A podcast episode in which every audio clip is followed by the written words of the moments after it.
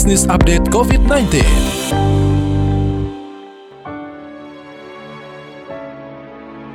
Mitra bisnis, COVID-19 memporak-porandakan tatanan bisnis yang ada. Selain kesehatan, dampak terhadap ekonomi dan kehidupan sosial bermasyarakat berubah drastis. Pelaku usaha mengencangkan ikat pinggang, bahkan menghadapi dilema PHK atau tidak untuk bertahan hidup. Di saat yang sama, pengusaha juga dituntut berinovasi cepat merubah bisnis model untuk seirama dengan ekspektasi pasar.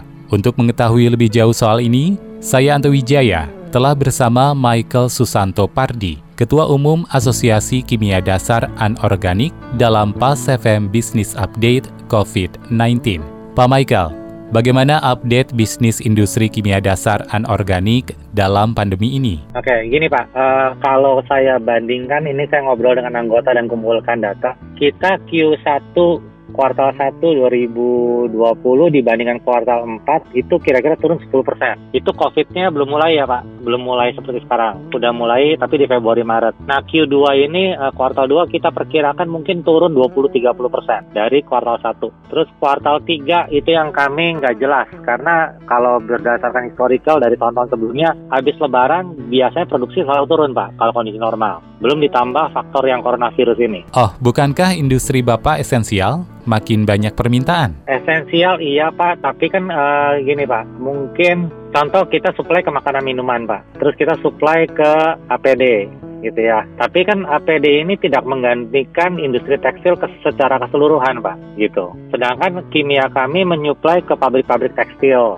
ke pabrik dan kalau menurut saya industri makanan mulai turun Pak, mungkin habis Lebaran ya Pak ya, mungkin makanan dalam kemasan. Kemudian um, yang sudah mulai kelihatan saya sudah dengar dari teman-teman adalah industri seperti elektronik yang tadi Bapak bilang elektronik, kemudian bahan-bahan uh, konstruksi pipa uh, macam-macam itu udah turun Pak, sebagian udah tutup. Keramik sebagian juga udah mengurangi, mengurangi kapasitas. Pasti kita karena kita dibalik lagi kita industri hulu ya Pak. Kalau hilirnya terdampak kita secara apa lambat laun kita juga akan terdampak. Mungkin tiga bulan, empat bulan ada delay, tapi kita akan kena, Pak. Saya juga sudah bicara dengan Ketum Gapmi dan memang prediksinya industri mamin juga akan turun. Pasti, Pak. Karena kan ini sekarang kayak masyarakat beli belinya yang, yang esensial untuk makanan sehari-hari yang pokok snack pasti berkurang, Pak. Pengangguran udah mulai banyak. Pasti yang dibeli lebih ke beras gitu ya, makan makanan pokok gitu. Nah, jika demikian, apa langkah yang dilakukan perusahaan di industri Bapak dalam menghadapi kondisi ini? Yang kami lakukan mungkin seperti yang industri pada umumnya yang pasti kita lagi coba cari penghematan Pak. Secara operasional kemudian uh, biaya bulanan yang kita bisa kurangin kita kurangin. Terus kap capex untuk misalnya uh, repair atau capex untuk uh, ekspansi pasti kita stop gitu ya. Jadi terus uh, biaya traveling dan lain-lain kita stop Pak. Yang kita concern adalah yang sebenarnya biaya manpower sih Pak. Kita kita usahakan nggak mau ada PHK.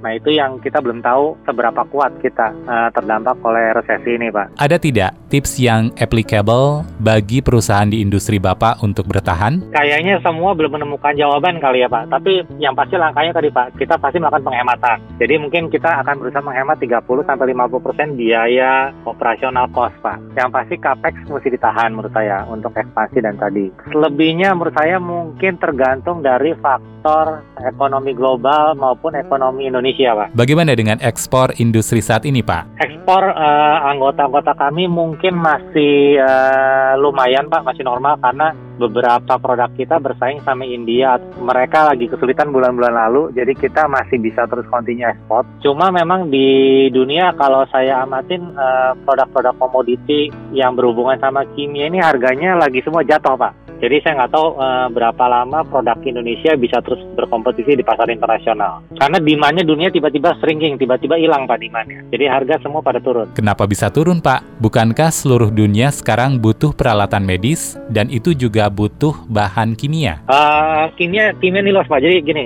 kimia, uh, kimia itu uh, supply tadi Pak ke air, ke makanan, tekstil, ke plastik itu juga pakai kimia dasar. Kemudian otomotif, uh, elektronik, ban, dan lain itu pakai kimia. Nah tadi Pak, industri hilirnya kan terdampak Pak. Waktu industri hilirnya mengurangi kapasitas produksi, mereka membutuhkan bahan baku lebih sedikit. Jadi kita kena dampaknya. Tapi kita uh, kena dampaknya gelombang kedua gitu ya Pak. Kenanya gelombang pertama dulu yang industri hilir dulu, yang produk-produk barang jadi makanan, minuman, otomotif, elektronik itu kena duluan Pak. Tekstil kena duluan. Mall tutup Pak gitu ya. Uh, toko-toko manusia apa manusia apa uh, masyarakat beli baju berkurang pasti sekarang Pak. Kita dipakai di proses sama juga dilimbah kan Pak, di proses uh, waste treatment maupun maupun di proses. Itu semua berkurang. Apakah ada timeline mengenai kapan pandemi ini berakhir dan kesiapan dari industri menghadapi tahun ini? Nah, gini Pak, kita tanpa coronavirus saja kita udah prediksi tahun 2020 ini tahun yang sulit. Dengan adanya coronavirus ini kita berharap PSBB-nya jangan panjang-panjang gitu ya Pak. Kita berharap mungkin saya nggak tahu, saya nggak ngerti juga karena secara kesehatan bagaimana. Tapi kalau lebih dari Juni mungkin buat kita industri berat Pak. Karena